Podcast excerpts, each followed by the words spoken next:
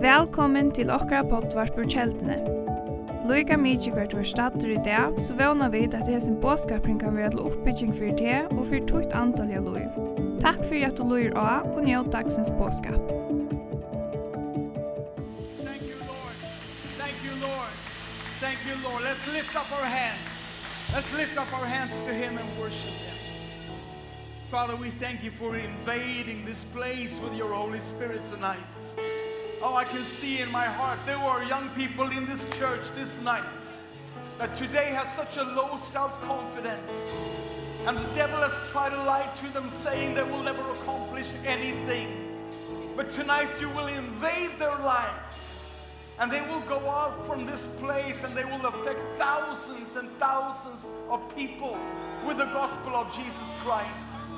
I thank you, Lord, that you are ready to do the impossible, that you are ready to turn lives around, turn defeat into victory, turn mourning into dancing, turn sadness into joy, and turn a number of Faroe Island teenagers into on-fire missionaries that will invade this earth for the glory of Jesus Christ.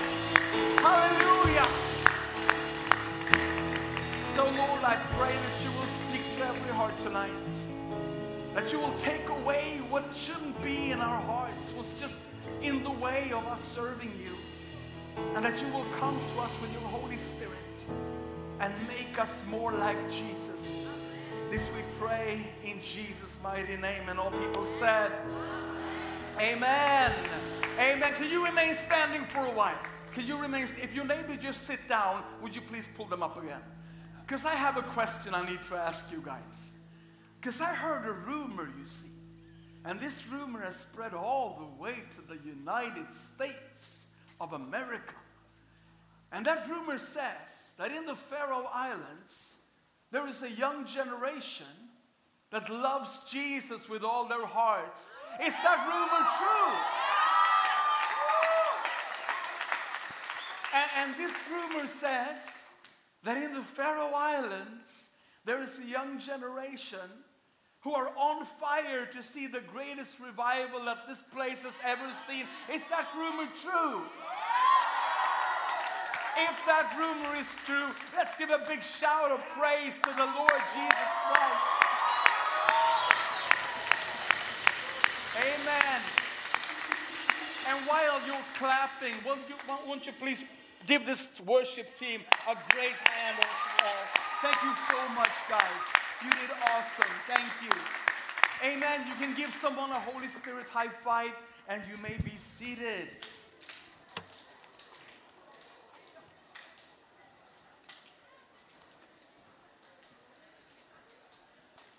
Wow, am I excited to be here tonight. As soon as there's a bunch of young people gathered in a room, I want to be in that room. That's the room I want to be in. I don't know where you want to be, but I want to be in that room. I want to be in rooms full of young people and full of the Holy Spirit. Because when the two meet, boom, amazing things are about to happen. Now, I want to share a, a word with you guys. Um, and since I can't speak Faroe Islandish, uh, I'm, I'm going to stick to English and whatever you don't understand, just pray the Holy Spirit will give you the gift of interpretation. Okay, I hope we're going to be fine. I want to share a message with you about paying the price. Paying the price.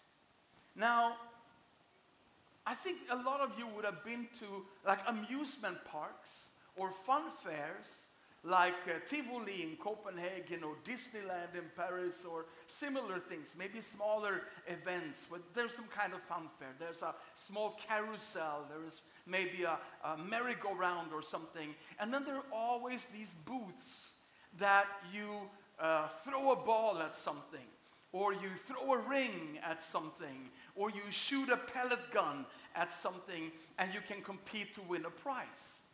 But some of those uh, events. Some of those booths are called uh, like win every time booth.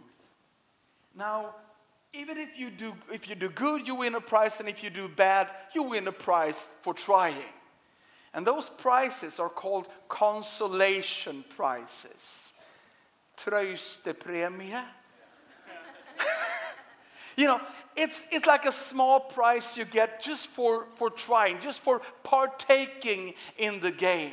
The thing is that the tröstepremies are always rubbish. They're like pink and plastic and made in Taiwan.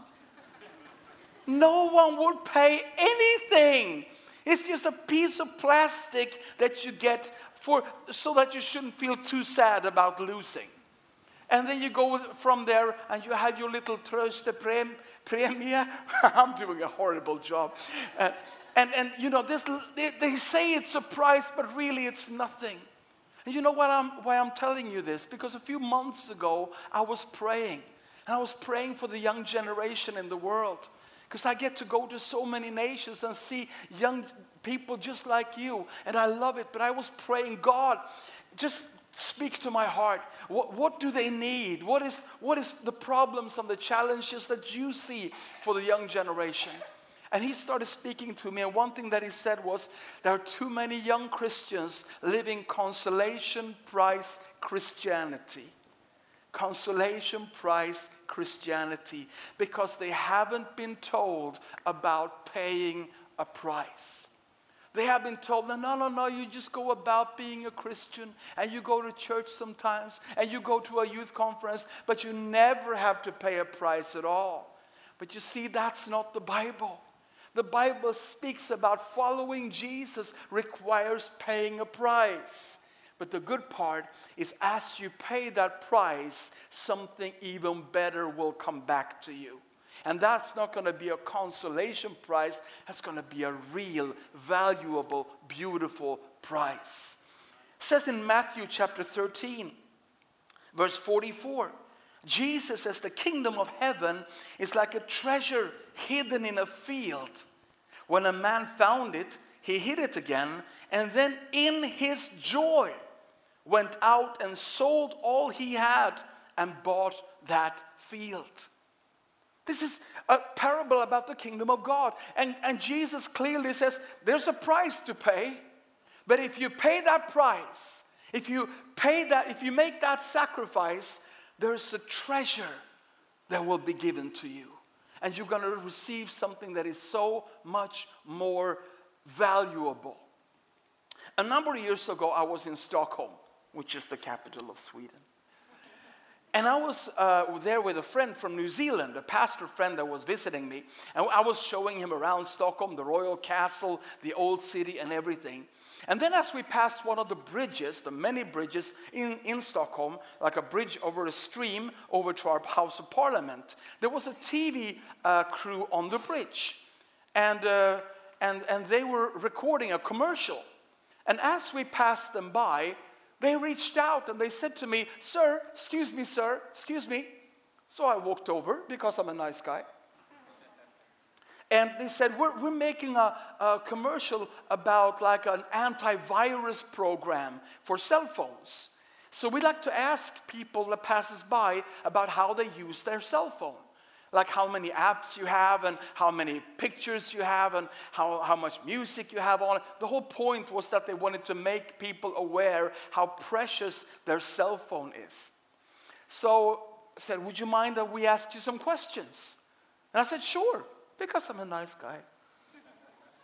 So camera was on and they started to record. And this guy said, so how many apps do you have on your phone? And how much music do you have on your phone? And how many videos do you have on your phone? And, and I answered. And uh, then all of a sudden he said like this. He said this. How much money would you need me to give you in order for you to throw your phone off the bridge and into the stream, into the water? And I thought that was the craziest question I've ever been asked in my life. It clearly hypothetical. He's not serious. So I just said, well, 2,500 euros. Because, I mean, 2,500 euros is a lot, a lot of money. And my cell phone at the time maybe were, were, was worth maybe 500 at the most. So I just said, you know, just a random large sum. So he said, okay, stop camera. And he walked away.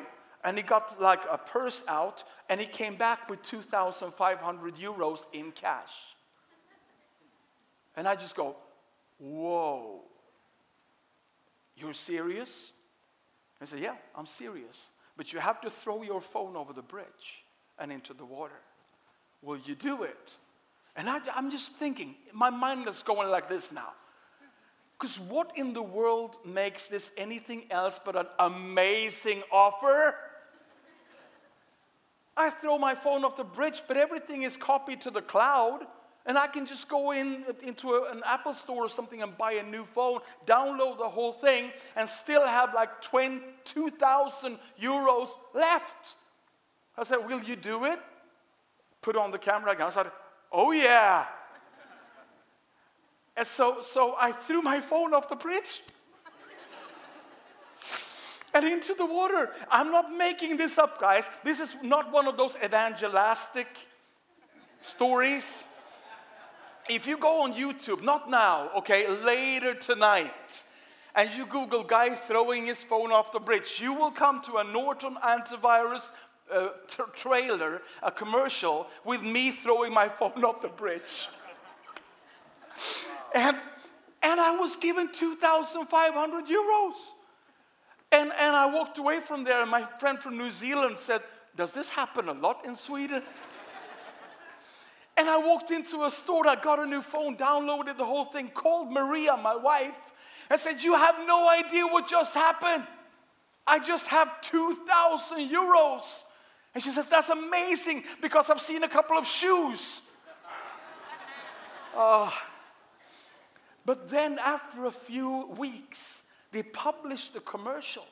And what I didn't know at the time was that they had asked the same question, given the same offer to like 10 or 15 other people. And everyone else said no. I was the only one who threw his phone into the water. And everyone else go, oh, somebody, a girl said, that would be like throwing my baby in the water. So my point is this. I threw my phone. I paid a price. Hmm. I threw away something that had a certain value.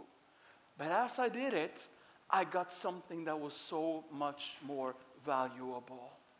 So many Christian young people won't give up anything because they haven't heard that they should and because they never throw anything off the bridge They're never finding the treasure that is buried in a field.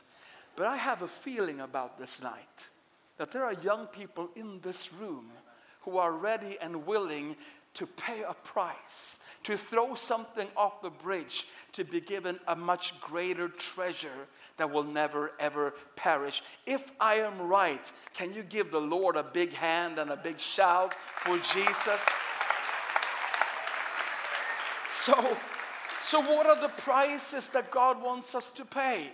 What will it cost for you as a young person of today to live an on fire life for Jesus and find that treasure in the field and be given these 2500 euros spiritually?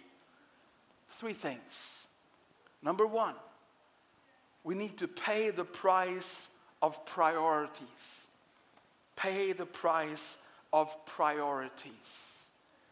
There's a beautiful story in Matthew 4 about Jesus walking by the sea of Galilee and he sees two young men. And he said it says that as Jesus was walking beside the sea of Galilee, he saw two brothers, Simon called Peter and his brother Andrew. They were casting a net into the lake for they were fishermen. "Come follow me," Jesus said, "and I will send you out to fish for people." At once they left their nets and followed him. They paid a price and followed him. Please understand, they hadn't seen Jesus perform one single miracle. They hadn't seen him raise a single dead person. They hadn't heard a single message in that sense. They didn't really know what they were getting into, but they paid a price And they became two of the most famous people in the Gospels. And they went on to, to preach the gospel to thousands of people and see the glory of God poured out like never ever before. But that would never have happened if they would hold on to their nets. So there was a moment of paying a price of priorities. Hey guys, please understand, there's nothing wrong with being a fisherman. There's nothing wrong with the nets if that's what God has called you to do. But all of a sudden now Jesus comes to them and say, "Okay, you guys, you two thought you were being fishermen for the rest of your lives. I'm changing your path. I'm changing your destiny." And because they were okay with that, they were okay with paying that price of priorities, changing the course of their life and the future God could bless them and God could use them. Let me tell you something about me at the age of nine. Okay, very few people know this. But when I was nine, I was a nerd. I'm still a bit of a nerd. I still build Lego. Now you know way too much about me. Okay, when I was nine, I was a bit of a nerd. And one thing that was nerdy about were statues and monuments.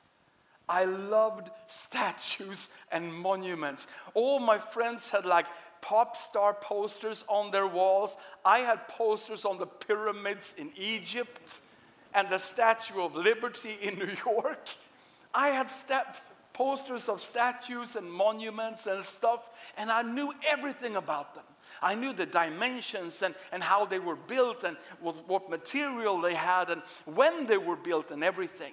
And my favorite monument in the world was a statue called the Motherland. I have a picture of it right here. That's twice the size of the Statue of Liberty in New York. It's a huge, huge statue that was, ra that was built in, in the Soviet Union. And that, I have my biggest poster was that statue. Because look at it, that's dramatic. She's on fire, that one. Going, ah, you know. Not like the Statue of Liberty. And I love that. I love the action of this statue. And then, of course, like you do, I, I became 10 and 11 and 12, and I grew out of the monuments, and I didn't think much about the statues and stuff anymore. And then I turned 16, and Jesus invaded my life. At that time, I was a backslidden former Christian boy, raised in a Christian home, but couldn't care less about God. But I ended up in a conference just like this one, and God changed my life. And I was filled with the Holy Spirit and I paid the price of priorities. I realized, okay, I'm not going to go back to my old life. I'm going to live a new on fire life for Jesus. And then about a year later, I met a man called Carl Gustav Severi. He was a missionary then and he's a missionary today. And back then, Soviet Union was not yet open for the gospel, but he was still going in there secretly preaching to the Christians illegally. And when I heard about his stories, I said, I want to go with you. Can I? And I said, yeah, yeah, yeah, you can go with me into the Soviet Union. Only one problem, una problema, was the fact that I didn't have any money to pay for the ticket. However, I was just going to graduate from high school. I was like, yeah, 17, turning 18. And this is a tradition in Sweden that when you graduate from high school, your parents will buy you a present. And a lot of times it's a quite nice present, like a small car or something. I don't know, do you have that in Faroe Islands? I see a lot of a lot of young people going, "We should. We should. Yes, please tell our parents tomorrow at the meeting." And and they and the parents normally throw their sons or their daughters a party. So, I really I got an idea. I I I went to my parents and I said, "Okay, when I graduate, I want no present. I want no party. I just want one thing money. You take all the cash that you were about to spend on a present and everything that you were supposed to spend on a party and just give me the cash. Okay? And they say, we can't do that. Of course you should have a present. And of course, we don't want you to be the only one without a party. And I said, Mom, Dad, read my lips. Money money because I want to go into Soviet Union with Carl Gustav Severin. And they gave in, praise God. And I got the cash and I could pay for my ticket and I went into the Soviet Union with Carl Gustav Severin at the age of 17 and it was the coolest experience ever. Uh, we, we got into the Soviet Union and, and we were on our way to the first meeting and we went into a car and the car speed, just speeding away and I was in the back seat going, whoa, what's going on? And we switched to another car and that car was speeding even faster and a third car and that was speeding even faster. And after a while I asked, why are we driving so fast? And they said, the Soviet secret police are following us. And I thought to myself, I used to watch action movies, now I'm in an action movie. So eventually we ended up in this place about half the size of this room with 800 people inside it. People had been walking for days to hear the word of God and there was an incredible presence of God and a very strong odor of sweat because the deodorants were not available in Soviet Union at the time. They were worshiping first for like two and a half hours. Uh, and then Carl Gustav went up there and he preached a message. And then when he came to the close of the message, people started booing, saying, no, boo, you preached too short. We want more. We've been walking for days. So he preached the second message. And when he came to the close, he started booing and said, one more. He ended up preaching for three hours solidly. And I could see at the end, he was getting tired. So right at the end, he said this, okay, now we're going to pray for the sick. And my friend Joachim here is going to pray for them. And then he left the stage. and I just went, what happened? No, no, no, no, no. Oh. What happened? I've, I've never done anything like that, lad. I've never had an altar call. I've never prayed for the sick. And, and now he's gone leaving me with 800 people and a mic and no experience whatsoever. But of course I thought, fake it till you make it. so I walked up there acting like I knew what I was doing. If anyone is sick in this room, come to the front. Everyone came to the front. It was like the whole room just took one step ahead. Boom! And I told my interpreter, no, I didn't say everyone should come to the front, only the sick ones. And my interpreter said, they're all sick. This is Soviet Union, there is no health care, everybody is sick. And I thought, oh, Lord, what's going to happen now? And I go walk down from stage, again, trying to look like I knew what I was doing. Came up to the first person, a little lady, maybe in her 70s or 80s, a little babushka about this, this tall. And I asked through my interpreter, so what's wrong with this sister? Sounding super spiritual. Um, and she lifted her hand. And it was the scariest thing I've ever seen. It was like something out of a Japanese horror movie. It was like a skeleton arm covered with gray skin. Her fingers were like small dry branches of a tree, all gray. And it was clear that her arm was disfigured and she couldn't use it. And I thought, okay, that's the first thing. Could we have started with a headache or But my only consolation was the fact that I knew that Joachim ends right here. And here is where Jesus needs to start. So I took her hand in mine and I was, because it looked really scary. And I prayed a desperate short prayer saying, Lord Jesus, please. In Jesus' name, come with your healing power, power because I don't know how this works. In Jesus' name, amen. And then I looked and I saw the very first miracle I've ever seen in my life. Wow. Within the course of 30 seconds, The normal color came back out her arm. I saw her fingers grow out to normal size. She started to move her hand. She started to scream and shout. I started to scream and shout. She started to cry. I started to cry. Everybody started to cry. And I thought to myself, I will never, ever go back to an ordinary life after this. Can we praise the Lord together?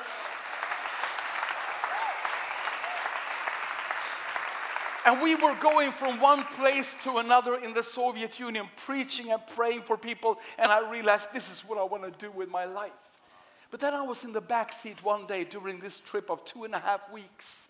And I was exhausted because the schedule was so intense. And I was sitting with my head against the window, and like sleeping with my head against the window, very uncomfortable. But I was super tired. So we, we had been driving for maybe three hours or something. And all of a sudden, there was a bump in the road. And, and I opened my eyes, and because my head was against the window, I looked straight out. And, I, and we passed this statue.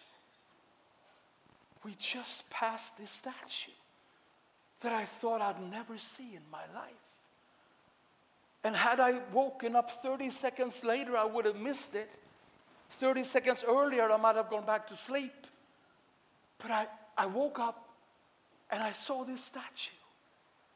And I heard the voice of God say, I remember that nine-year-old boy. And I realized that because I paid a price and I gave some God something, the money for my present, the money for my party, God gave me back his power and his glory, but also an added bonus of fulfilling my little nerdy dream from when I was nine years old, seeing that statue, and that told me everything and more about the Father's heart. Guys, you can never outgive God. You can never give God more than he will give back to you. Can we say amen in the house of God? Amen paying the price of priorities, being ready to change the course of your life when God asks you to. The Second price we need to pay is paying the price of pride. Paying the price of pride. And this price is getting harder to pay by every year because self-image and pride becomes a greater part of the young generation's reality as the years pass by. James 4 and 6 says, God opposes the proud, but shows favor to the humble. Sometimes you have to put your reputation on the line. Sometimes you have to pay the price of not everybody liking you. Sometimes you need to pay the price of being bullied because you're a Christian. Of people speaking bad about you because you're a Christian. Of people unfollowing you because because you're a Christian, people making nasty comments on your social media because you're a Christian. There is a price of pride to pay. But when we do, we unlock the power and the presence of God. The Word of Life has got Bible schools all over the world. We run 15 Bible schools right now. And a few of them are in India. And recently I went to Kolkata where our main office is and I, I, I spoke uh, to the staff and I also went to one of the Bible schools and I heard this amazing story about two Bible school students that had graduated from our, our Word of Life Kolkata Bible School. Now these were two guys 20 years old. They've been to Bible school for one year and now they're passionate and on fire. So they thought to, and they spoke to one another and said, okay, what are we going to do with all this Bible teaching now? And they came up with a great idea. Let's invite a lot of people to our flat because they were sharing a flat. Let's give them food because that's the universal key to every single heart in the world. And let's preach the gospel of Jesus to them. So they invited all their friends and neighbors and their whole flat was packed with people and they got them food And then they started to preach. Now, when they started to preach, they had a short conversation because they realized if we keep it low, if we speak quietly, people will not hear us from the outside and we can stay out of trouble. And if we speak loud, other people might hear us and because there's persecution against Christians in India, we might get in trouble. But then they looked at one another and said, Nah, let's go loud. Let's pay the price of pride. Let's pay the price of our reputation and let's just go crazy for Jesus. So they started to preach in a loud voice, speak about Jesus being the healer, Jesus being the savior, Jesus forgiving sins and healing bodies. And people started giving their lives to Jesus, but all of a sudden there was a knock on the door. And uh, they go and open, and there's a woman outside. And this woman said, um, I live next door, and I heard you speaking through the wall because you guys were very loud. And then she shared her story. She said, I have a son. He's called Nanda. He's 16 years old.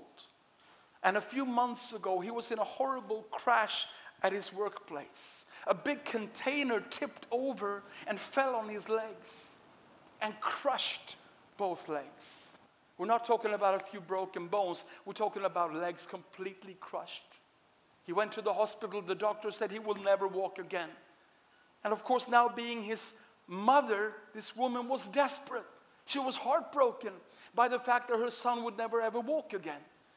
So she told these two young men that I went to the Muslim mullah and I said, Can you come and pray for him? So the Muslim mullah came and prayed for him. Nothing happened.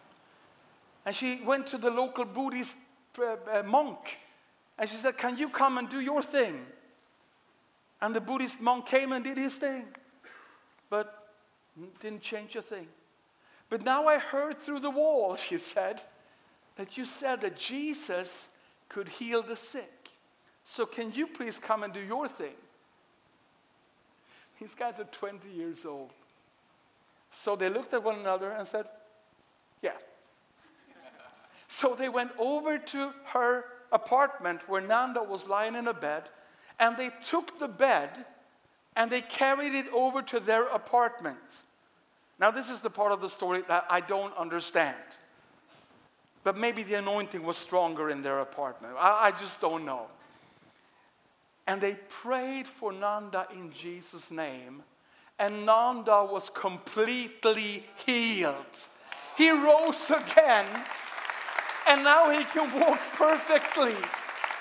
Nanda gave his life to Jesus. And this miracle affected his whole family and everybody they knew. Now, this would not have happened if two young men hadn't paid the price of pride being ready to be made a ridicule, being ready to be mocked and bullied for their faith because they chose to be loud about who they believe in. Amen. That's exactly the kind of young people that God is looking for. Now the third thing, third price that this young generation that you're a part of needs to pay is paying the price of prayer. Paying the price of prayer. Maybe I can have the worship team come back up or the keyboard. And I just want to speak a little bit about this. I love how the kingdom of God works. Because the kingdom of God is not built by professionality. It not, it's not built by super skilled people. It doesn't take gifted academics, super intelligent, super people. It just takes regular people that does regular things. And one of those things is to pray. I'm not talking about 4 hours every morning. I'm just talking about building prayer into your daily life. If you don't pray normally at all, my faith goal for you for this conference is that you would go home and start praying 30 seconds every morning. Because you know what? 30 seconds of prayer to a God who hears that prayer can change so much. So start where you are. The fervent and effective prayer of a righteous man avails much, or a righteous woman. God doesn't have to have your, you pray with beyond your capacity. He just wants you to start and take a step of faith. And I just want to share one more story. Can I share one more story? Please say yes because I'm going to do it anyway, so it feels better if you say yes. A few years ago in Sweden, we launched something called New Generation. It's a movement to inspire young people to see their school as their mission field and starting praying for their school and sharing Jesus in their school. And as you know, Sweden is a very secularized nation. There's not that many Christian young people around. So I realized God wanted us to do this, but I had no guarantee from a human perspective that this thing would really take off. Would young Christians in Sweden be motivated to start taking time and investing it in praying for their school to experience a revival? So I remember as we started out, my prayer was, God, God, I just pray that you'll give us some initial testimonies, okay? If we could have a few teenagers do this and and we could tell about what they have been doing, then maybe that can motivate more young people and then something starts to move by itself. But in my mind for those initial testimonies, those initial initiatives, I had like I saw for myself maybe you know like maybe there would be a 70 year 17 year old young uh, uh, girl who is really uh, full of uh, initiative and leadership skills, maybe a 20-year-old boy who is stepping into um, his uni university with a passion to live for Jesus and so on. I saw older teenagers or even young people in their 20s.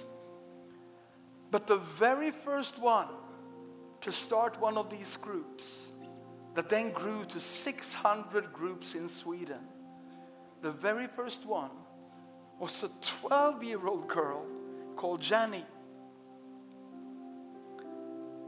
Jenny happened to be at a conference like this where we for the very first time started to encourage young people to stand up for Jesus in their school and start praying. Now the thing with Jenny was that she was super small, super tiny, super shy, and she had never in her life identified herself as a leader or an initiative taker or someone who could accomplish anything for God. I talked to her youth pastor later, and he said Yanni was one of those girls who always showed up at the youth meetings, but always was like back here in the shadows. Never seen, never heard, but always there. But that night, God touched this 12-year-old girl's heart. And trembling, she made up her mind that I'm going to start a new generation group. So help me, God. Because as far as she knew, she was the only Christian in her school. She went up to the table and she signed up for a new generation group, which became the first new generation group ever in Sweden. And on the Monday, she walked back to her school trembling with a poster in her hand. And she put up the poster on the school's notice board and says, I'm starting a new generation group and we have our first assembly on Friday, which gave God like five days to do a major miracle. Otherwise, that gathering would be one person, Janny, 12 years old. And on the Tuesday, the next day, Jenny had started to pray now. Started to pray for God to save students in her school. On the Tuesday, she went through the school day, and, and after school were, was over, she went to the bus stop where she normally waited for the bus to take her home.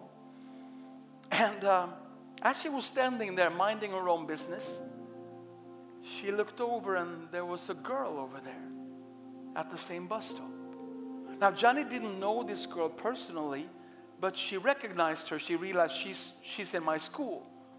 But this girl was over here crying, just standing alone, crying her eyes out.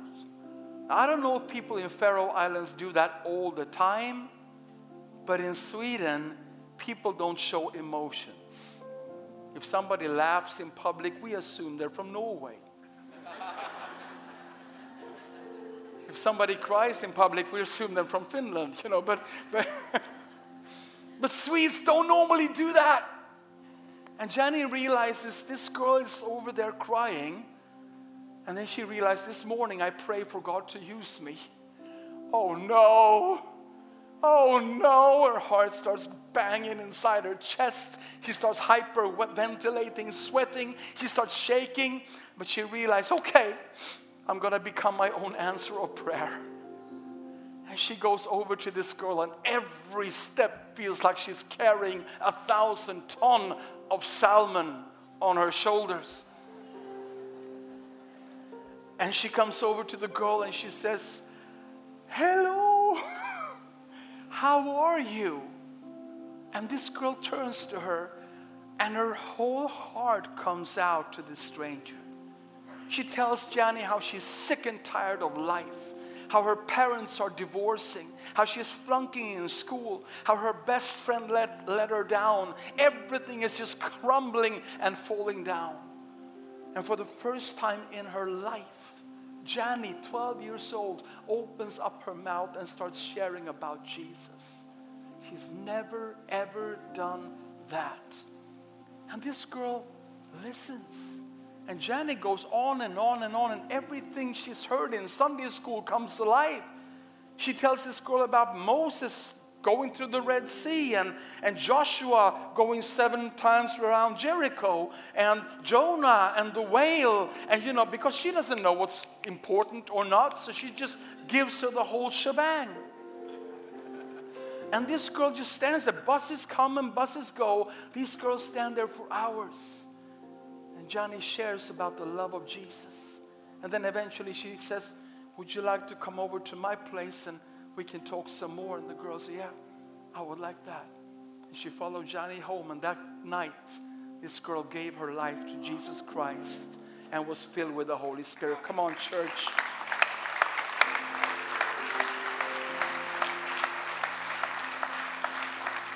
Long story short, when the Friday came, and it was time for their first assembly, Johnny had led four more girls in her school to faith in Jesus Christ. Three months later, we came back to her city for a leaders' gathering. We had heard the rumors of a 12-year-old girl causing great things for Jesus in her school. And when Jenny came to that leaders' meeting, she didn't come as a shy 12-year-old she came with a posture of a soldier in an army like this. Hello, you all. And we asked her, Jenny, what's going on in, in, in, your, in your school? We heard amazing things are happening. And, and she said, yeah, now I have 15. And we said, wow, 15 new Christians? Oh, no, she said, 15 leaders it turned out a revival had broken out in her school. About 80 young boys and girls had given their hearts to Jesus. And Johnny had now started to lead and train 15 of them to be co-leaders in this revival that was shaking the entire school. This is where we shout and praise the Lord.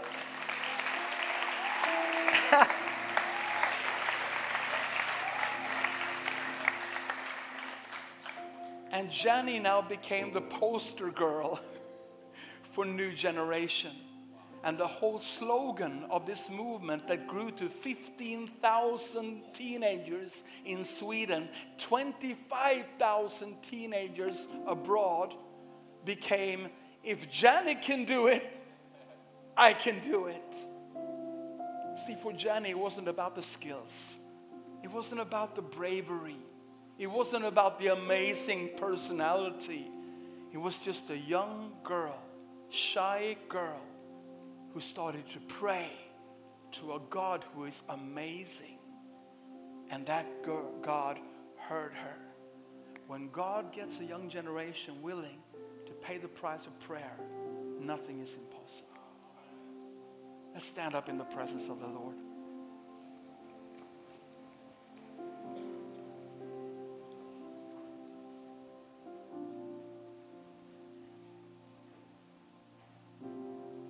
Please just stand where you are. Don't look around. Just give the Lord a chance to knock on your heart right now because I feel the presence of the Holy Spirit all over this church tonight.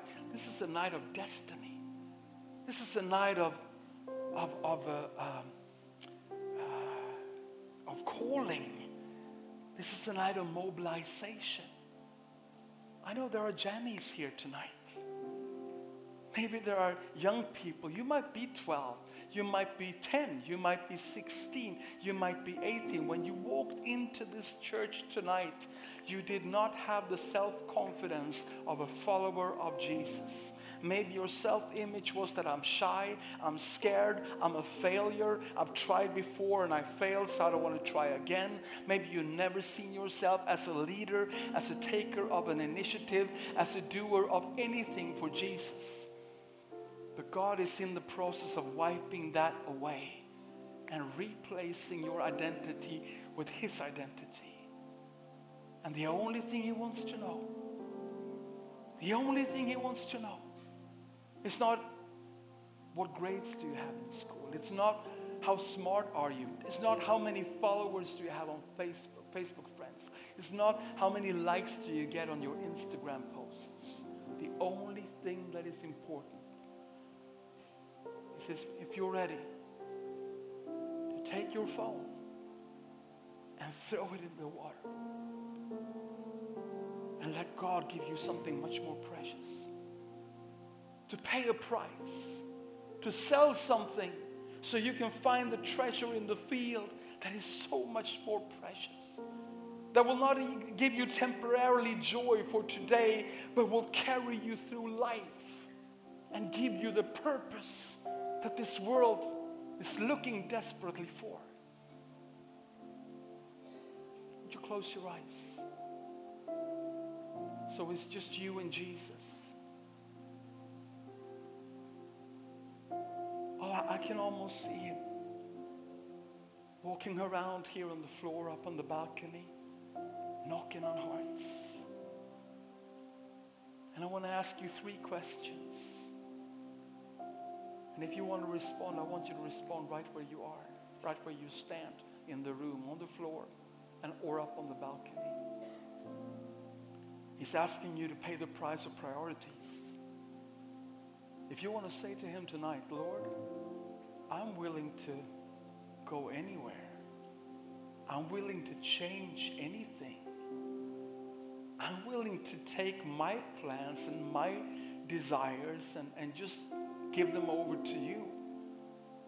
Because I want to be serving you and not myself. I want to make a difference. I want to live according to the calling you have on my life. I want to sell my nets. I want to throw my phone in the water. I want to pay the price of priorities. Whatever priority I need to change, I want to pay that price. If you feel the need to tell him that tonight, and take the opportunity that this night provides you, would you lift your hand where you stand? That's going to be your silent way of telling him, yes, Lord, I will pay the price of priorities. My life will be dedicated to you. There are hands going up all over the church. Now, if your hand needs to be among those raised, I want to give you a few more seconds. Each one, each hand raised is a holy hand because it signals a holy decision. I understand that many have made this choice already. That's already a, a prayer that is alive in your heart. But if you want to make that decision or maybe remake that decision, then this moment is for you. Father, I thank you for every single hand raised a promise to pay the price of priorities. In Jesus' name, you can take down your hand. Just keep standing in the presence of Lord. I feel there's such a holiness in this moment. Yes, I want to give you an opportunity to pay the price of pride. So much of the identity of this young generation is based on how much feedback you get from social media, how many likes I got from my last post, post how many followers I have or do not have.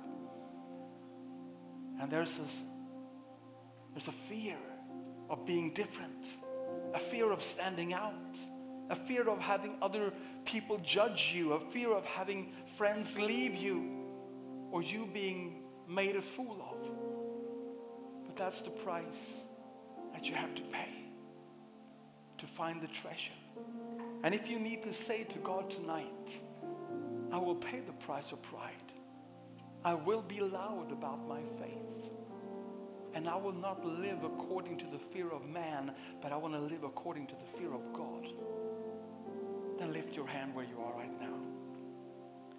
If that needs to be your decision tonight, just lift your hand to him. He sees you. There are so many hands. There are so many hands. Every one of them holy. Every one of them signaling a turning point in your life. Father, thank you so much for moving in the hearts of this young generation. Breaking the curse of fear and the curse of pride and setting them free to be who they are in you. Thank you, Lord for mobilizing, raising up a young, bold army that will stand for you and proclaim you and live according to your truths. In Jesus' name, you can take down your hands. Final question I want to ask is for those of you who feels the need and the desire to pay the price of prayer, to take some time every day and give it to the Lord Maybe start to pray for your school. Maybe start to pray for your friends. Maybe start to pray for God's purposes in your life. Maybe start to pray for your future. Maybe start to pray for your parents. Maybe start to pray for, for revival in your city and in your nation. If you feel, yes, yes, Lord, I want to do that. I want to do that more than I have. And I want to trust you that you will hear the prayers of a 13-year-old. You will hear the prayers of a 16-year-old. You will hear the prayers of a 10-year-old. If that's your decision tonight, just lift up your your hand. I want to pray for you. I want to give you this opportunity, this holy moment here tonight. Oh, Lord, have mercy. Hands going up all over the place. This is beautiful because I know in my heart that God is going to use the prayers that are being released here tonight to shake this nation and to open hearts so that his love and his power can invade and forgive and change lives. Father, I thank you for every single hand that is raised in this room, in this church, on the floor and in the balcony. I thank you that tonight you're knocking on young hearts and you're calling them out for a from a shy life, from an insignificant life, and you're calling them to be prayer warriors. 10-year-olds, 11-year-olds, 14-year-olds, 17-year-olds, 21-year-olds. Father, thank you that you are not a respecter of person, but you're a respecter of prayers. And I thank you, Lord, that from the mouths of these young, young people, there will be freedom, there will be salvation, and there will be revival. In Jesus' name. Father, Father, Father, thank you. Thank you, Lord. Thank you, Lord. We're going to worship the Lord in just a minute and, and, and just going to allow His Spirit to move in a beautiful, mighty, and holy way. But guys, I want to give you one more invitation. If you raised your hand on question number one about, about um, paying the price of priorities, if you raised your hand on question number two, paying the price of pride, or you raised your hand on question number three, praying the pri price, paying the price of prayer, If you just did that, I just want to pray one prayer over you to have the Holy Spirit come upon you and give you the power and the joy to live out that promise, to live out that decision. So if you raised your hand on either one of these three questions, would you just leave your seat, your seat right now, leave the place where you stand and come to the front and stand here. And God is going to do an amazing thing. There's going to be so many of you, so don't hesitate. Just come to the front really fast. And I want to pray for you and pray God's blessing upon you before we go into worship and allow the glory of the Lord to come. Hey, come on. Yeah, that's beautiful. If you raised your hand on number 1, number 2, number 3, don't be afraid. It's going to be so many of you. And you might say, "But can I just stay where I am?" Did you see the reason why I want to call you to the front is that when I was 16, this guy who preached the night when I gave my heart to Christ, he called me to the front. And I realized that now how important it was for me to actually make my my decision public and clear rather than staying in the back because I if I had stayed in the back, I might have just slipped away and gone back to my old life. But by coming to the front like you guys are tonight, you're making a public declaration I've made a holy decision here tonight and I'm not going back to my old life. Please understand, I'm not saying everybody should come to the front. There's no condemnation if you don't come to the front because I just asked you to raise your hand if you feel that you want to make this decision. Maybe you guys have already made it. That's great. But for all of you, all those of you who are standing here in front, you are standing here with a fresh, new decision in your heart. And I want to honor that. And I want to pray for God to come upon you and to give you the strength to live this decision through. Would you close your eyes, all of you guys in the front? And I just want to pray a prayer for you, and then we're going to worship the Lord from the bottom of our hearts. Just lift up your hands to Him. Lift up your hands to Him. The Bible speaks about this, that we are lifting, we should be lifting holy hands. But you know, lifting our hands also means that we are giving up. We're giving away whatever we have, and we're giving it to Him. We're throwing that phone away to gain a much greater reward. Live for something much more important. Father, in Jesus' name, in Jesus' name, I pray for this young generation that is standing ahead of me. Father, I thank you for every single decision that is being made here tonight to pay the price of priorities. I thank you, Lord, for every decision that is made about paying the price of pride and not living for the fear of man, not living for the insecurity of other people's opinions. Father, I thank you for every single decision that is made in here tonight that is all about praying the price of prayer. I thank you, Lord, for touching young hearts. I thank you, Lord, for igniting a fire of prayer inside of 12-year-olds, 9-year-olds, 14-year-olds, 16-year-olds, 19-year-olds, Father. You are giving birth to heroes here tonight. You're giving birth to heroes here tonight. Holy Spirit, invade this young generation. Holy Spirit, let there be known across Europe that in the Faroe Islands, a young generation is standing up and they're paying the price and they're throwing away their phone and they're selling whatever needs to be sold for them to find the treasure in the field, the greater reward. Father, we're done with consolation prize Christianity. We want the real stuff. We want authenticity. We want reality. We want to experience the real thing, your power, your presence, your holiness, your spirit in our lives. In Jesus' name, every single one of you who are standing in the front, would you place your hand on somebody standing next to you and just start to pray for one another? Just start to pray for one another. Thank you, Lord. You, we can do that all over the church. Just grab somebody's hand or place your hand on somebody who stands next to you and just start to pray right now for the presence of God to come upon us, for the glory of the Lord to be seen, for the spirit of prayer to come alive inside young hearts. Father, I thank you.